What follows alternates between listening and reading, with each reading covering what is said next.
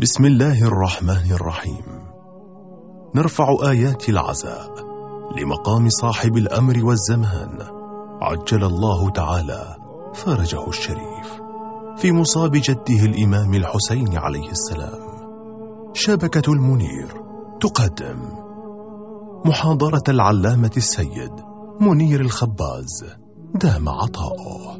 لليلة الخامسة من شهر محرم الحرام لعام 1438 للهجرة النبوية بعنوان القلب السقيم والقلب السليم. وذلك بمسجد الإمام الباقر عليه السلام بدولة الكويت.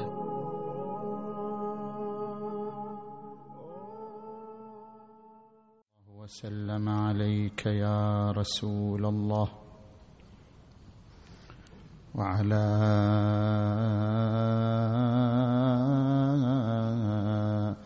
أهل بيتك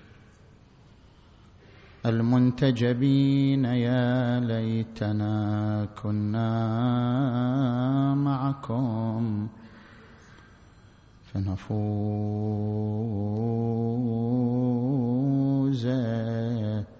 فوزا عظيما.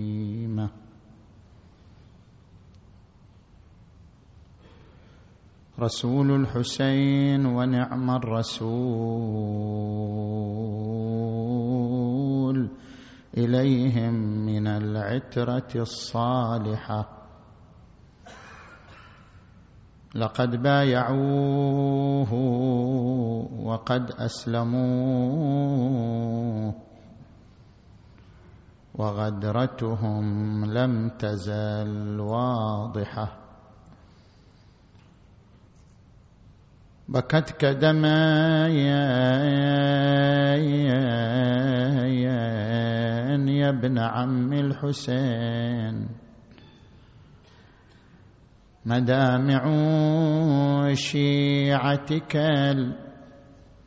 السافحة يا يا يا لأنك لم ترو من شربة. ثناياك فيها غدت. يا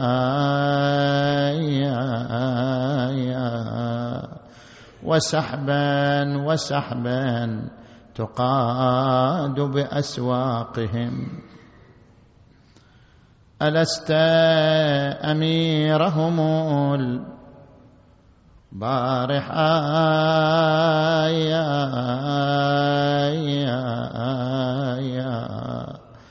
وسحبا تقاد بأسواقهم. ألست أميرهم البارحة بارحة يا يا يا يا يا كأني به واقف ينتظر الموت وينظر إلى كربلاء. وينادي السلام عليك يا أبا عبد الله. يا ليت هالدم الذي يجري على القاع. مسفوح بين يديك يا مكسور الأضلاع. يا حيف منك محتضيت بساعة وداع بيني وبينك يا حبيبي فرق البين وسف الجسد ذبوه من قصر الإمارة ويزيد الأرض الشام راحت له بشارة. وكان ترجع حسين وانقطعت أخباره. زينب تنادش خبر مسلم يا ضي العين. قال الخبر عندي. يا مهجة سر الوجود. مسلم من الكوفة. يا نور العين ما يعود كني أشوف انه بسوق الغنم ممدود. ما بينهم ينسحب ما كنهم مسلمين. أعوذ بالله من الشيطان الغوي الرجيم. بسم الله الرحمن الرحيم.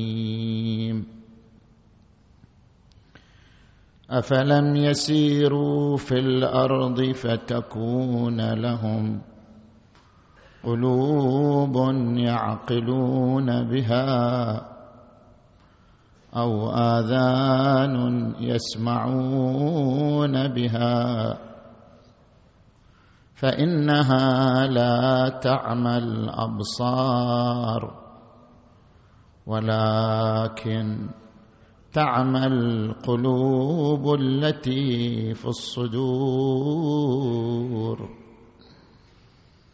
آمنا بالله صدق الله العلي العظيم.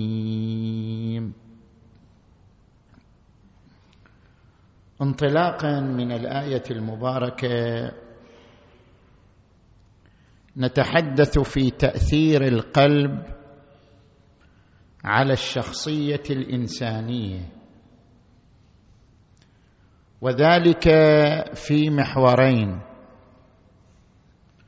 المحور الأول في الوعي الإدراكي للقلب. والمحور الثاني في مرض جفاف القلب.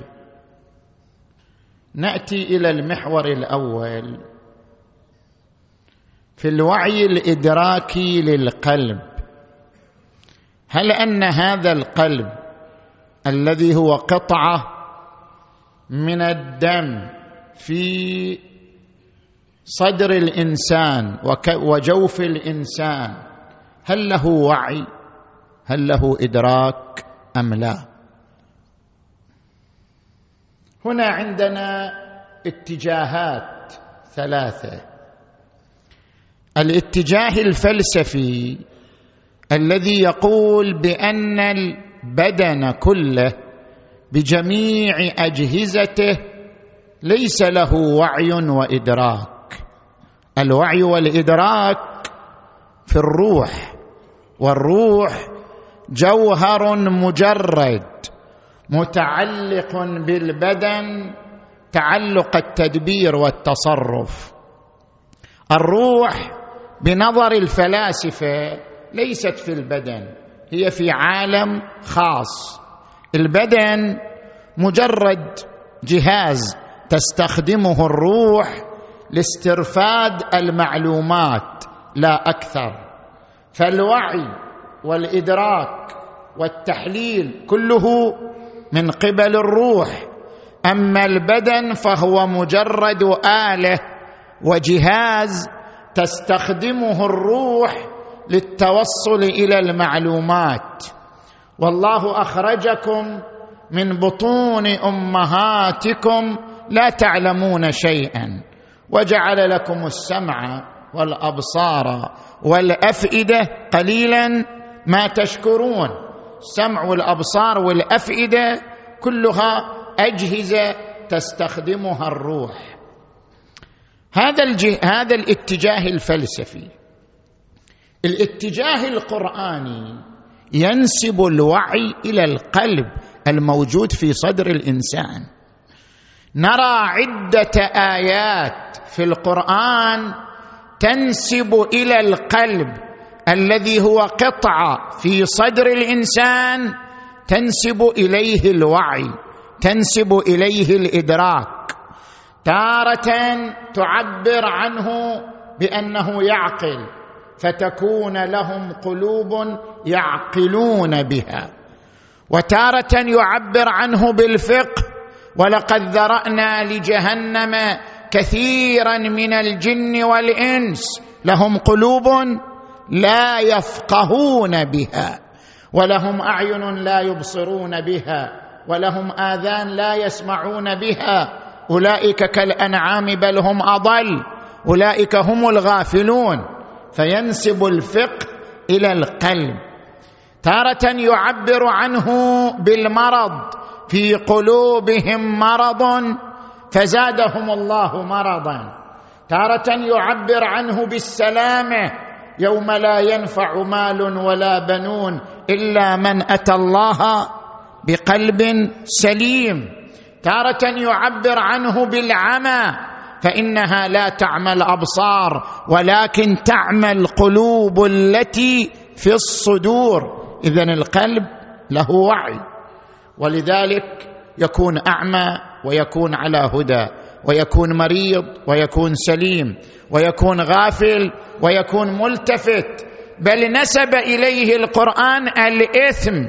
قال تبارك وتعالى ولا تكتموا الشهادة ومن يكتمها فإنه آثم قلبه. القلب يرتكب الإثم. اذا القلب له وعي. الاتجاه الثالث الاتجاه المادي. يقول هذا لا صحة له. يعني الآن بعض الماديين يشنع على القرآن الكريم أن القرآن ينسب الوعي إلى القلب. وهذا خطأ علمي في القرآن من الأخطاء العلمية في القرآن بنظر هؤلاء الماديين أن القرآن نسب الوعي إلى القلب والقلب ما إلى وعي. شلون؟ القلب مضخة تجمع الدم من الجسم وتعيد ضخه إلى الجسم بعد تحميله بالأكسجين. وانتهى دوره.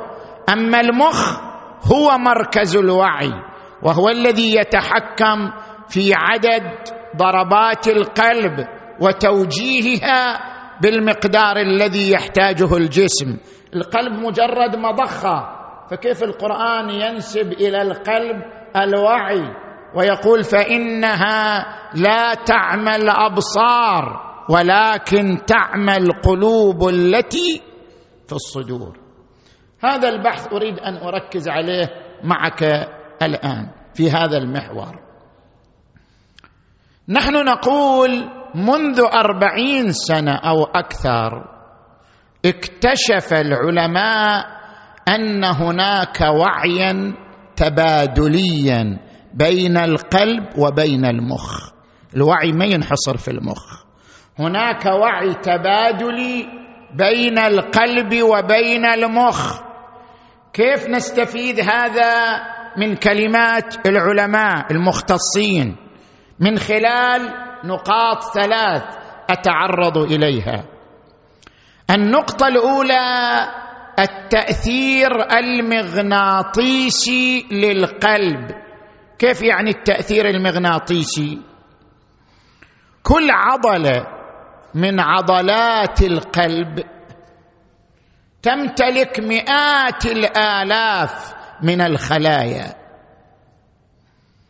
التي تعمل كوحده واحدة في دفع الدم عبر الغرف الأربع للقلب إلى أن يصل الدم إلى البطين الأيسر الذي هو الغرفة الأخيرة.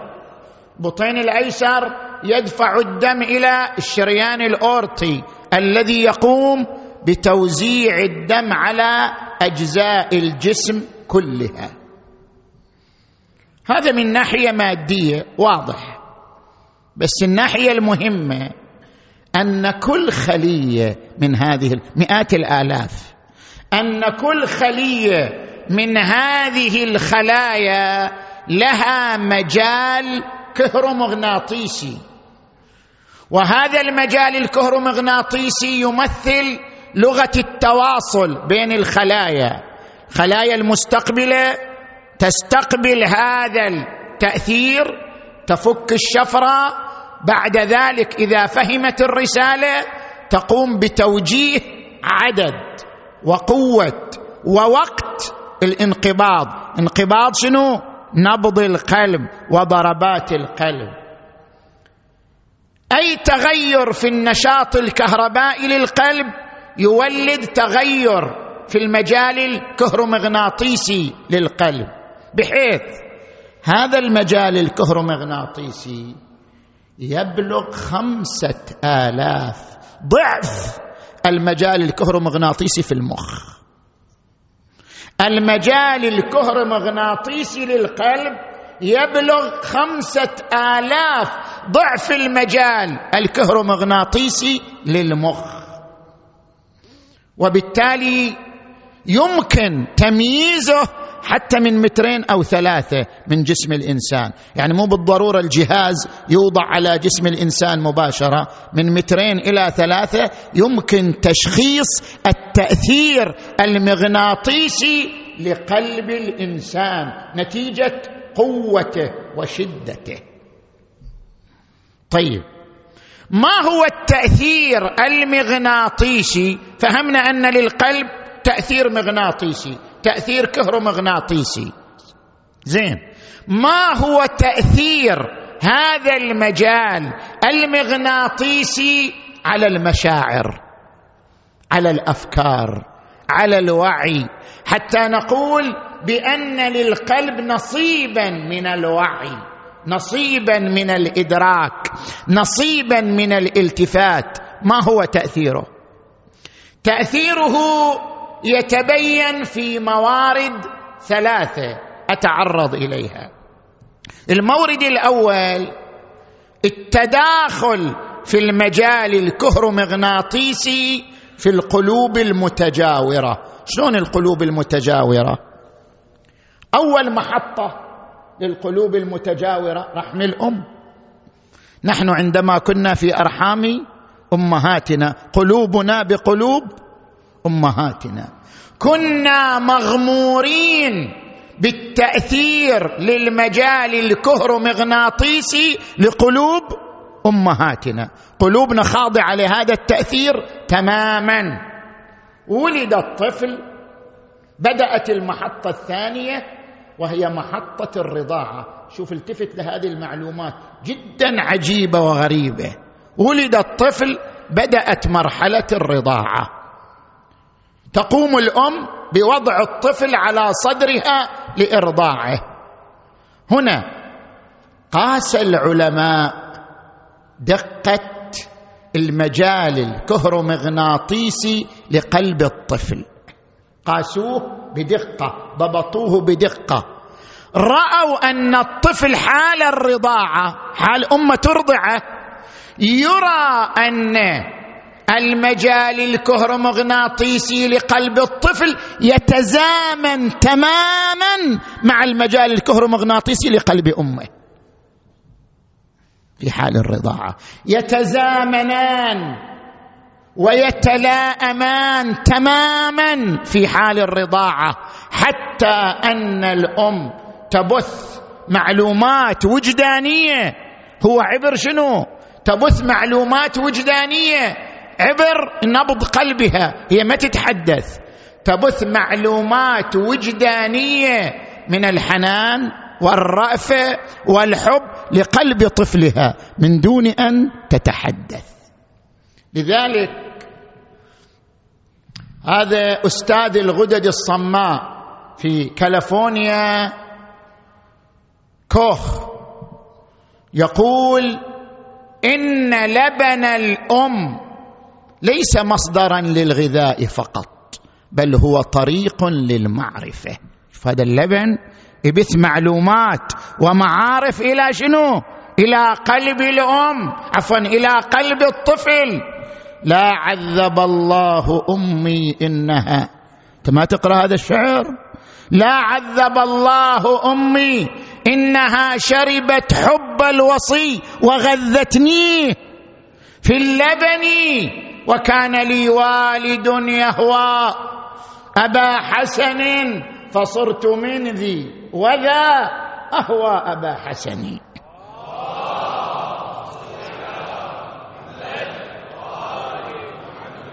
مسألة مسألة علمية مو فقط شعر وأدب. أثبتت الدراسات أن تسعين بالمئة من النساء حال الإرضاع بطريقة لا شعورية المراه تقوم. ما حد يقول لها تأخذ الطفل إلى جهة اليسار مو إلى جهة اليمين. تسعين بالمئة من المرضعات بطريقة لا شعورية تحمل الطفل تضعه إلى اليسار ليكون قلبه بإزاء قلب أمه بحيث يستورد المعلومات ويستورد هذه المعارف الوجدانية من قلب أمه من حيث لا يشعر أحدهما. زين هذا المورد الأول. المورد الثاني هو عندما نرى التأثير الكهرومغناطيسي للرسالة الصادرة من القلب نحو القلب الآخر. هذا وين يتجلى؟ عندما تضع الأم يدها على ظهر ولدها. حتى لو الولد عمره خمسين سنة الأم إليها تأثير. تربيت الأم على ظهر ولدها تضع يدها على ظهر ولدها يؤثر تأثير عجيب في عبر موجات موجات كهرومغناطيسية تنقل الأثر من قلب الأم إلى قلبه وضع اليد على ظهر الولد يوجب تهدئة مشاعره ورد غلواء عواطفه بدرجه لا تتصور. المورد الثالث هو شعور التجاذب بين شخصين. انت بعض الأشخاص تلتقي به من أول مرة تشعر بانجذاب نفسي نحوه تحبه مع أنك تلتقي به أول مرة لكنك تشعر أنك تحبه تنجذب إليه. طيب من دون مثير مادي طبعا. يعني لا جمال عنده حتى أنت تنجذب إليه ولا مستخدم عطر جذاب مثلا ولا ابتسم في وجهك. نفترض ماكو أي مثير مادي. لا جمال لا عطر جذاب لا ابتسام ابدا. فجأة رأيته فانجذب قلبك إليه. ما هو سر هذا الانجذاب؟ كيف إحنا نوجه هذا الانجذاب؟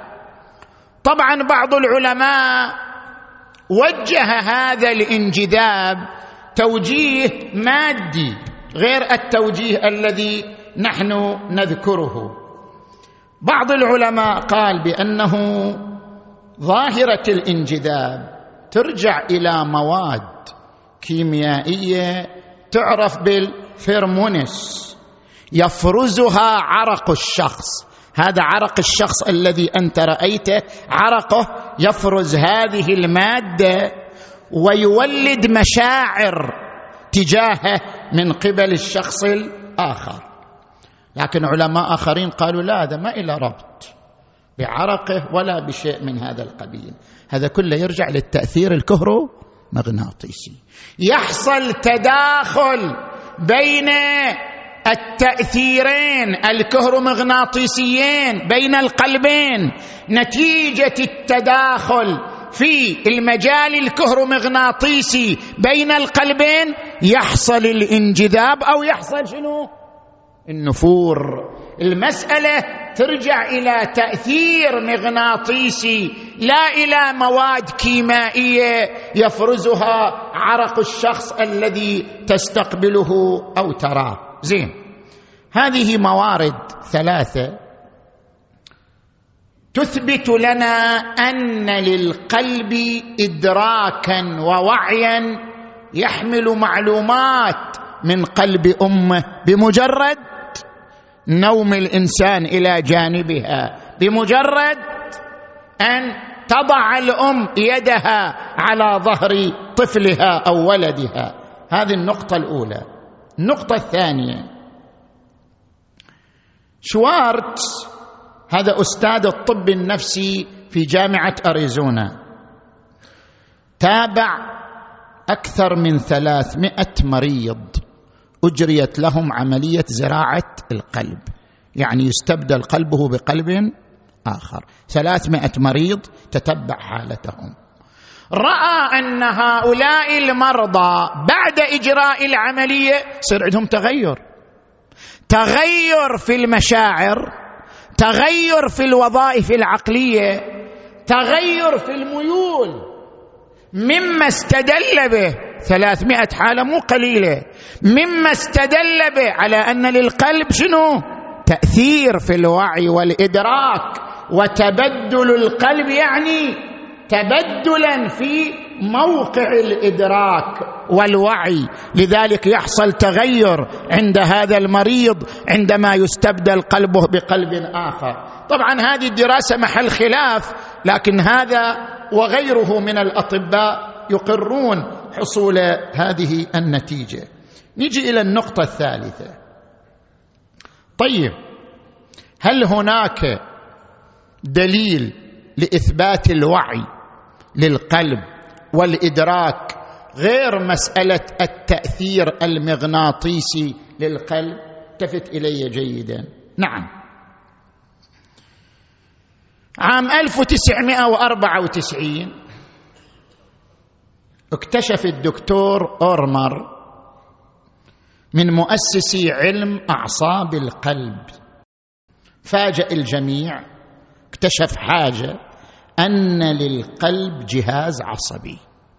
مو بس المخ إلى جهاز عصبي القلب أيضا إلى جهاز عصبي. يتركب من حوالي أربعين ألف خلية. ويستخدم نفس النواقل العصبية التي يستخدمها المخ. نفس النواقل اللي خلت المخ يعي هي يستخدمها شنو؟ القلب. يعني إذا هذه النواقل العصبية هي التي جعلت المخ واعيا اذا القلب سوف يكون واعيا لأنه يستخدم نفس النواقل العصبية التي يستخدمها المخ. بل يتمكن هذا الجهاز العصبي للقلب أن يتحكم في ضربات القلب مستقل عن المخ. بحيث المرضى الذين يتعرضون لعملية جراحة نقل القلب. ينقطع التواصل ثواني بينهم وبين شنو؟ وبين المخ. ينقطع التواصل بين القلب والمخ ومع ذلك يبقى القلب على عمله. يبقى القلب على عمله مستخدما نفس الجهاز العصبي الذي لديه. مستغنيا بجهازه العصبي عن الجهاز العصبي للمخ.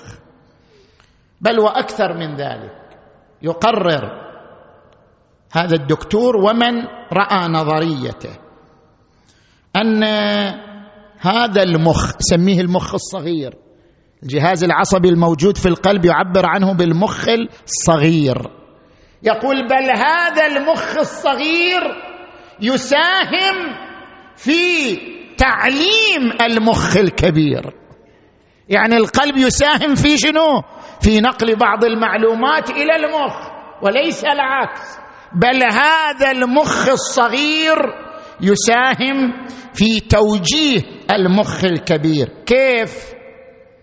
كما أن المخ الكبير يتحكم في القلب. في ضرباته في اتجاهاته في عدد الضربات تبعا لحاجة الجسم عبر الجهاز العصبي اللا إرادي المعبر عنه ان اس كذلك المخ الصغير إلى إشارات بالاتجاه المعاكس من القلب إلى المخ عبر الجهاز العصبي نفسه الذي يستخدمه المخ. ولا تقتصر هذه التوجيهات على جذع المخ اللي هو الجهاز المتحكم بالجهاز العصبي بل يمتد إلى لوزة المخ المسؤوله عن الوظائف الانفعالية بل يمتد إلى الفص الأمامي قاع الفص الأمامي للمخ المسؤول عن التنسيق بين الانفعالات وبين الوظائف العقلية ويحقق التوافق في شخصية الإنسان. شنو التوافق؟ توافق يقسمه علماء النفس هذه معلومة أخيرة ما أطول عليك. إلى توافق آه، فسيولوجي توافق نفسي وتوافق عقلي. توافق الفسيولوجي هو ما تقوم به أجهزة الجسم فيما بينها. مثلا القلب ينسق مع الجهاز جهاز التنفس في إيصال الأكسجين للإنسان حال الجري الذي يحتاج إلى مدد أكبر من الأكسجين. هذا يسمى توافق فسيولوجي. توافق النفسي الإنسان مثلا افترض طالب في الجامعة قدم بحث ممتع مثلا قدم بحث مفيد تقوم الجامعة بتقديره والثناء عليه. هذا يحقق شنو؟ توافق نفسي. هناك أيضا توافق عقلي. إذا حصل توافق نفسي ولد توافقا عقليا حيث يترتب على ذلك انتظام ضربات القلب استقرار الجهاز العصبي صفاء الذهن سلامة أداء المخ وهكذا. النتيجة من بحثنا كله أن نريد أن نثبت أن ما ذكره القرآن الكريم من أن للقلب وعيا وادراكا.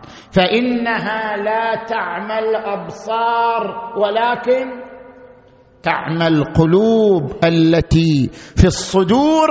أن ما نسبه القرآن إلى القلب صحيح وتؤيده النظريات العلمية. وبمرور الوقت سوف تتحول هذه النظريات إلى حقائق واضحة أن القلب يعي كما أن المخ يعي وأن وأن القلب يتحمل جزءا من المسؤولية ومن يكتمها فإنه آثم قلبه. نجي إلى المحور الثاني من حديثنا. المحور الثاني بمناسبة ليلة الجمعة نتعرض إلى هذا المرض النفسي الروحي ألا وهو مرض جفاف القلب. كثير منا مبتلى بمرض جفاف القلب. القلب الذي يقسو القلب الذي لا يرق القلب الذي لا ينفعل. مبتلى بمرض القسوة والجفاف. هذا المرض له عرضان. إذا أريد أعرف أنا مبتلى بهذا المرض أم لا. لهذا المرض عرضان مهمان. العرض الأول هو عدم اللذة بالأجواء الروحية. أقرأ دعاء. ما أجد لذة في قراءة الدعاء. ما أجد لذة في قراءة القرآن. ما أجد لذة في الصلاة ما أجد لذة في الدعاء. عندما لا أجد لذة أقرأ الدعاء والقرآن وأصلي بطريقة روتينية جافة يابسة جدا. هذا يعني أنني أعيش مرض جفاف القلب وقسوة القلب. هذا يعني أنني أعيش هذا المرض المخيف. العرض الثاني عدم المبالاة بالذنب. كثير منا يذنب ولا يبالي بذنبه خير يا طير واذنبت يعني كل الناس تذنب. عدم مبالاة بالذنب عدم الندم عدم الحسرة عدم الاهتمام بأنني أذنبت بأنني أخطأت بأنني وقعت في الزلة. عدم الاهتمام بالذنب يكشف عن مرض قساوة القلب. ورد عن النبي صلى الله عليه وآله من سرته حسنته وساءته سيئته فهو مؤمن. المؤمن هو الذي يستاء من السيئة. وورد عنه صلى الله عليه وآله إذا أذنب المنافق كان ذنبه كذبابه مرت على أنفه ما يبالي بها الذنب عنده مو مهم. واذا اذنب المؤمن كان ذنبه كجبل ابي قبيس على صدره. المؤمن الحقيقي هو الذي يتوجع يتألم يتحسر إذا صدر منه الذنب صغيرا أم كبيرا. عدم المبالاة بالذنب يعني أن الإيمان ضئيل يعني أن مرض جفاف القلب مستحكم. إلهي كلما مالي كلما. قلت أنني تبت ورعويت ورجعت إليك. عرضت لي بلية أزالت قدمي. هذه أعراض تكشف عن مرض جفاف القلب. نجي الآن إلى الأسباب. لماذا أنا مبتلى بمرض جفاف القلب؟ لأسأل نفسي ما هي الأسباب التي أدت إلى أن أبتلى بهذا المرض؟ مرض جفاف القلب. السبب الأول البعد عن الأجواء الروحية. طول الوقت إحنا مشغولين بالدراسة طول الوقت إحنا مشغولين بالوظيفة طول الوقت أنا مشغول بالأهل والأطفال والسوق والعيال وكذا. فقط أصلي الصلاة الواجبة. هذا زين مني أن أصلي الصلاة الواجبة. كافي. زين. أربعة وعشرين ساعة. نصف ساعة منها أرتبط بالله. فقط أصلي الصلاة الواجبة. كلها تستغرق. ظهر وفجر ظهر وعصر ومغرب وعشاء وفجر نصف ساعة في اليوم. يعني 23 ساعة ونصف. أنا بعيد عن الأجواء الروحية. البعد عن الأجواء الروحية. عن القرآن عن الدعاء عن النافلة عن المأتم عن المسجد عن المجلس. البعد عن الأجواء الروحية سبب رئيسي في الابتلاء. بمرض جفاف القلب وقساوة القلب. لأجل ذلك أنت تقرأ في الدعاء أم رأيت أم فقدتني من مجالس العلماء فقليتني فخذلتني. مجالس العلماء يعني مجالس الذكر ذكر الله. أم رأيتني آلف مجالس البطالين بالعكس أنا. أم رأيتني آلف مجالس البطالين فبيني وبينهم خليتني. مجالس البطالين ما عندهم شغل. إما المترفون الذين كل مجالسهم الأسهم والسوق والتجارة والأموال هذه مجالسهم. هذه المجالس تربي على جفاف القلب وقساوة القلب. أو الذين مجالسهم غيبه للمؤمنين وطعن في الآخرين وهدر لكرامات الآخرين. هذه المجالس تبعدك عن الأجواء الروحية وتسبب لنا مرض جفاف القلب وقساوة القلب.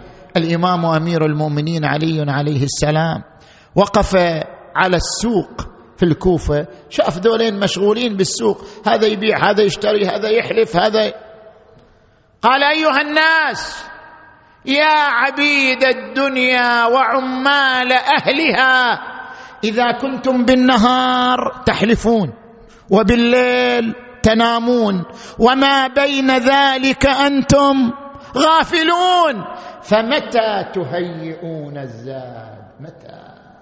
وتستعدون للمعاد.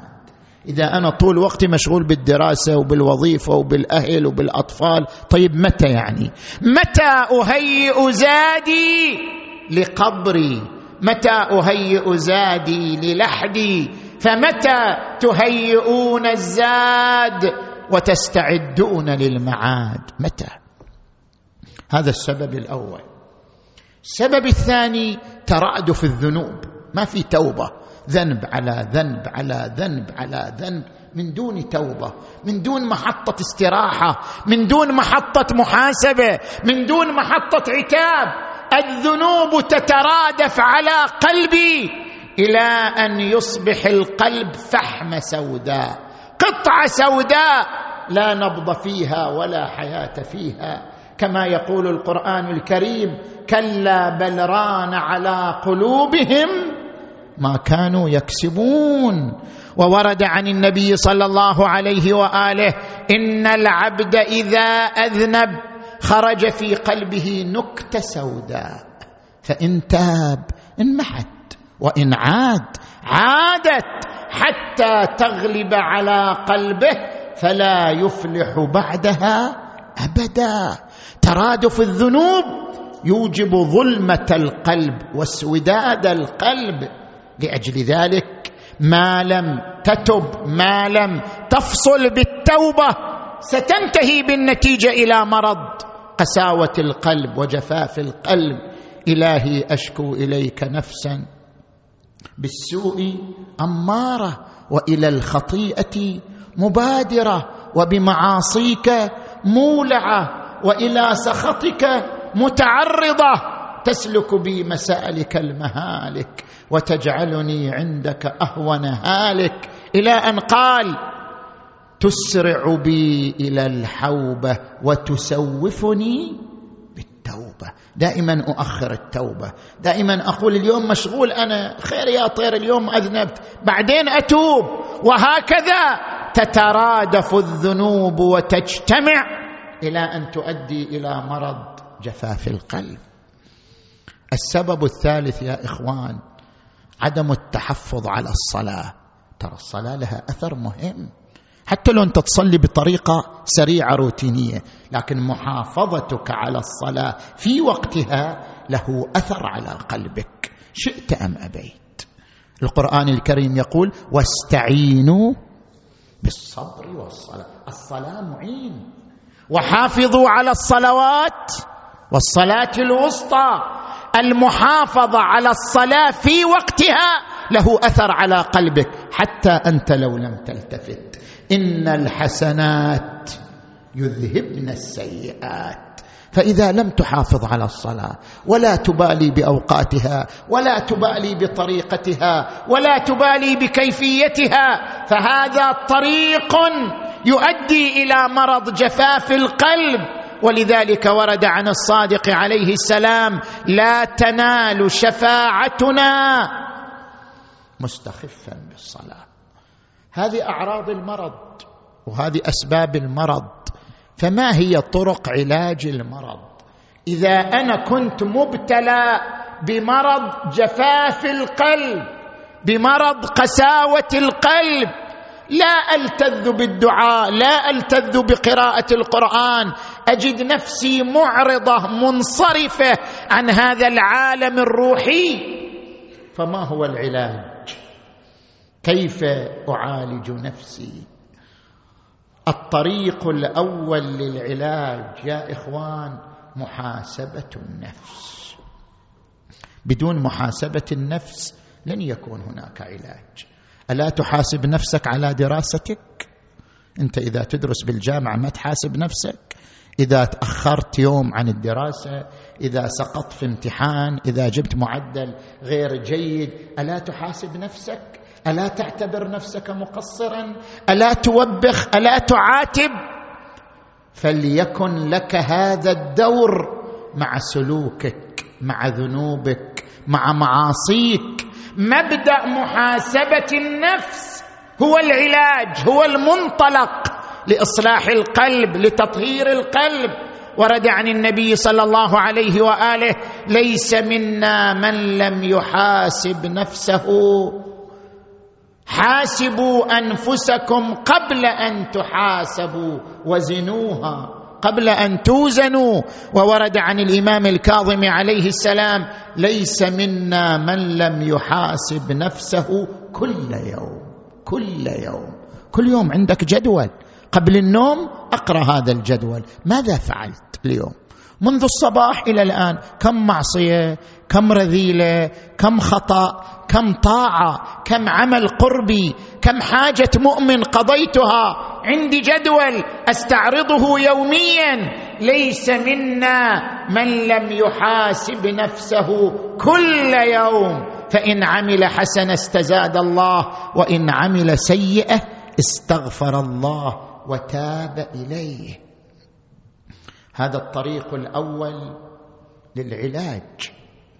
الطريق الثاني للعلاج أنك تسعى لترقيق القلب. كيف أسعى لترقيق القلب؟ من خلال الارتباط بأدعية الأئمة الطاهرين.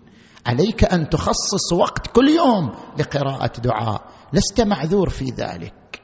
كل يوم خصص نصف ساعة ثلث ساعة لقراءة دعاء عندك 15 مناجاة للإمام زين العابدين. كل يوم اقرأ مناجاة ما تأخذ خمس دقائق.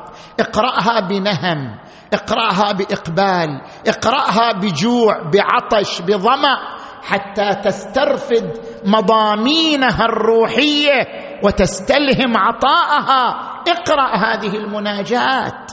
أول مناجات هي المناجات مناجات التائبين التي تتعرض إلى عملية تطهير القلب. إلهي ألبستني الخطايا ثوب مذلتي وجللني التباعد منك لباس مسكنتي وأمات قلبي عظيم جنايتي فأحيه بتوبة منك. يا أملي وبغيتي ويا سؤلي ومنيتي فوعزتك لا أرى لذنبي سواك غافرا ولا لكسري غيرك جابرا.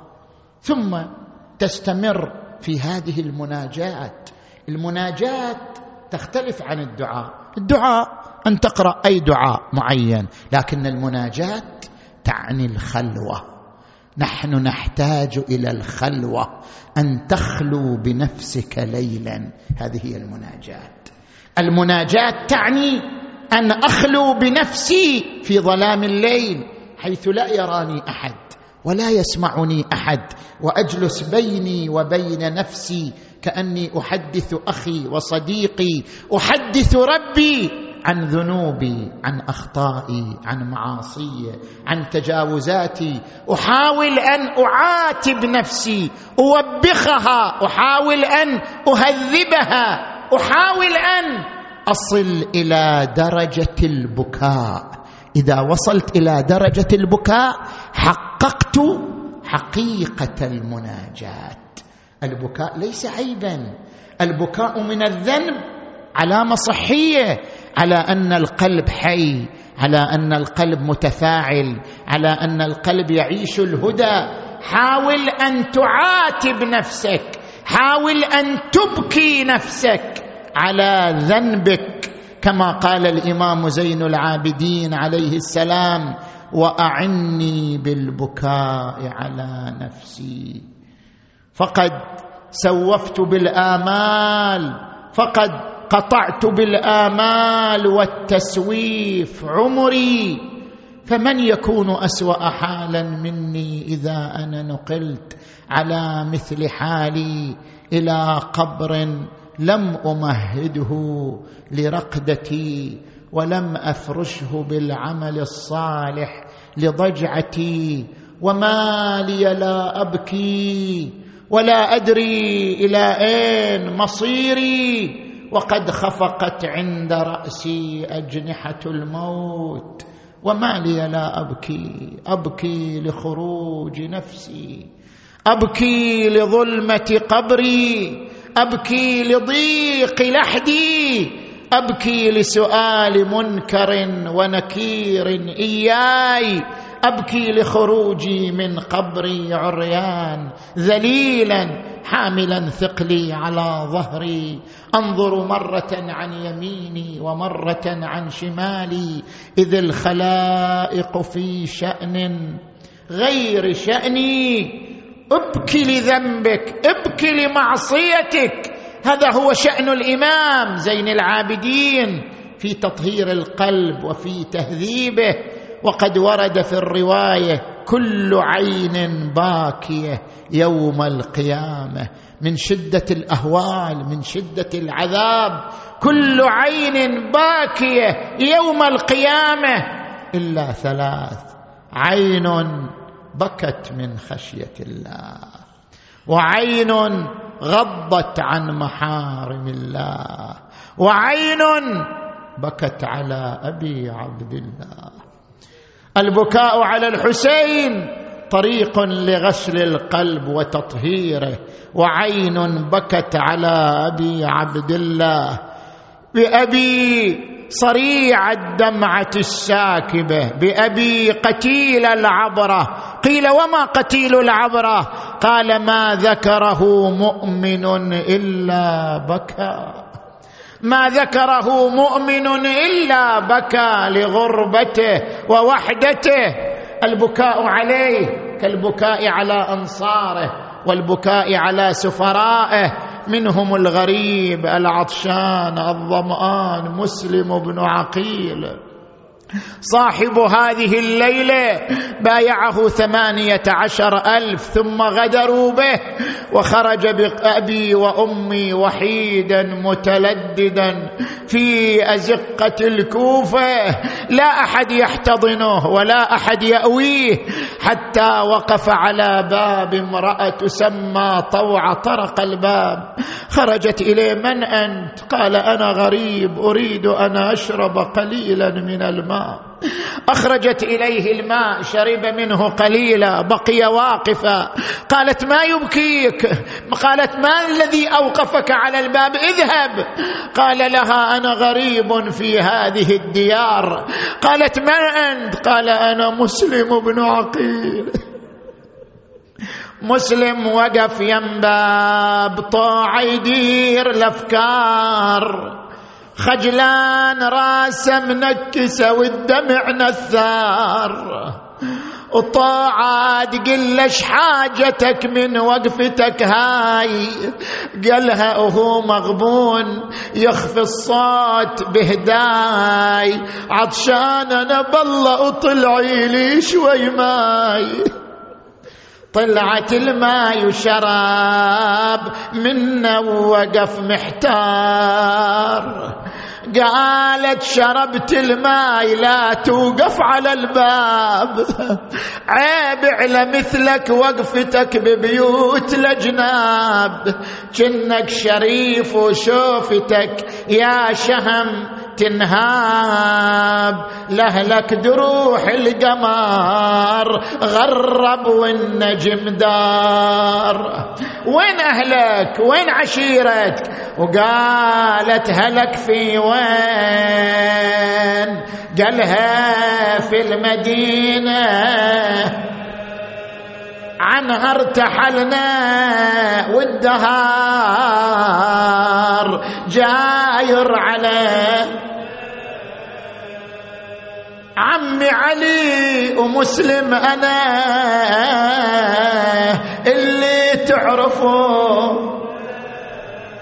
طبيت بلدتكم وأصبح مالي ينصر.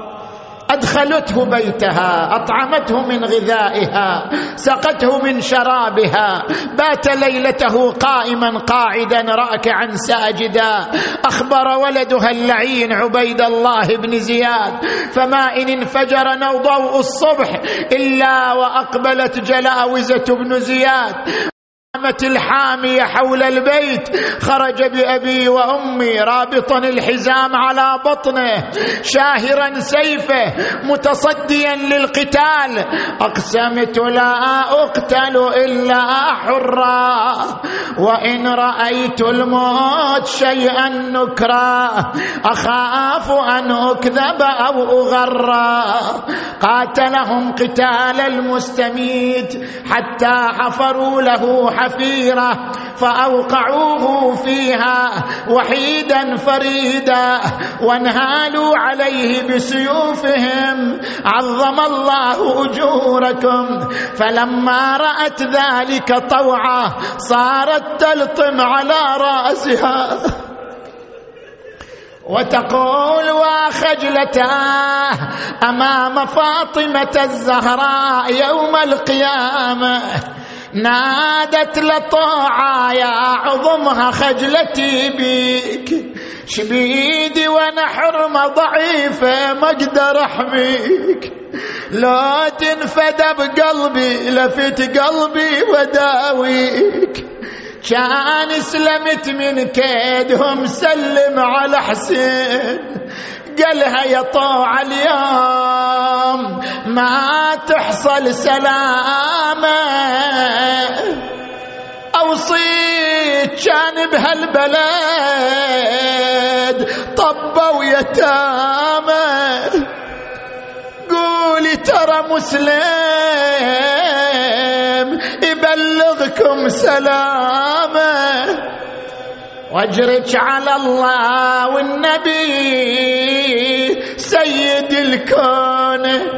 بعد إيش عندك من أخبار يا مسلم؟ تجيكم يا طاعة مخدرات حيدر على كور.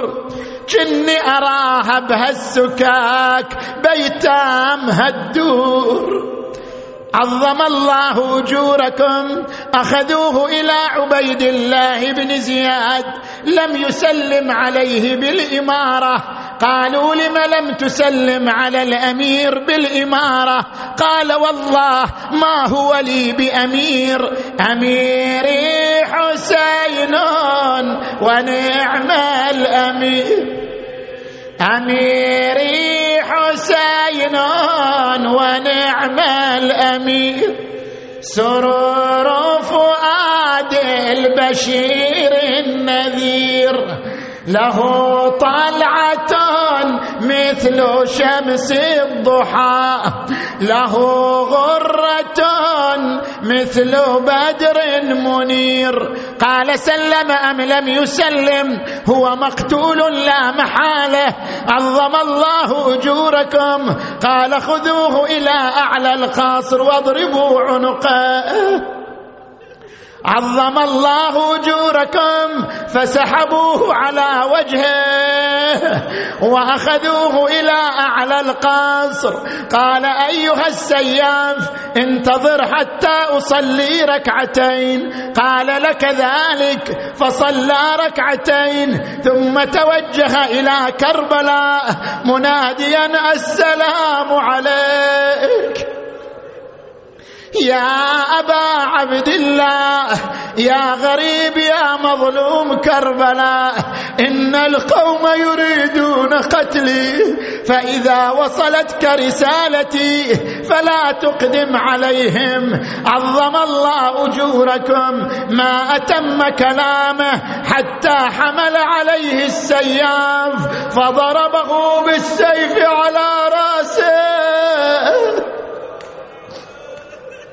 خر يخور في دمه وصل السلام إلى الحسين فاستدعى ابنته الصغيره اليتيمه حميده أجلسها في حجره صار يمسح على رأسها.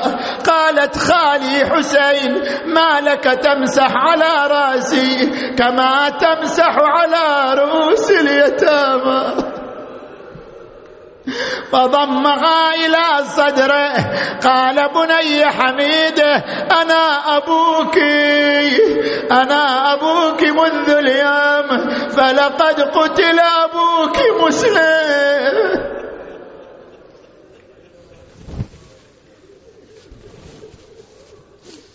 اللهم بحق الغريب مسلم بن عقيل. اغفر ذنوبنا واستر عيوبنا وكفر عنا سيئاتنا وتوفنا مع الأبرار واشف مرضانا ومرضى المؤمنين والمؤمنات خصوصا المرضى المنظورين واقض حوائجنا وحوائجهم.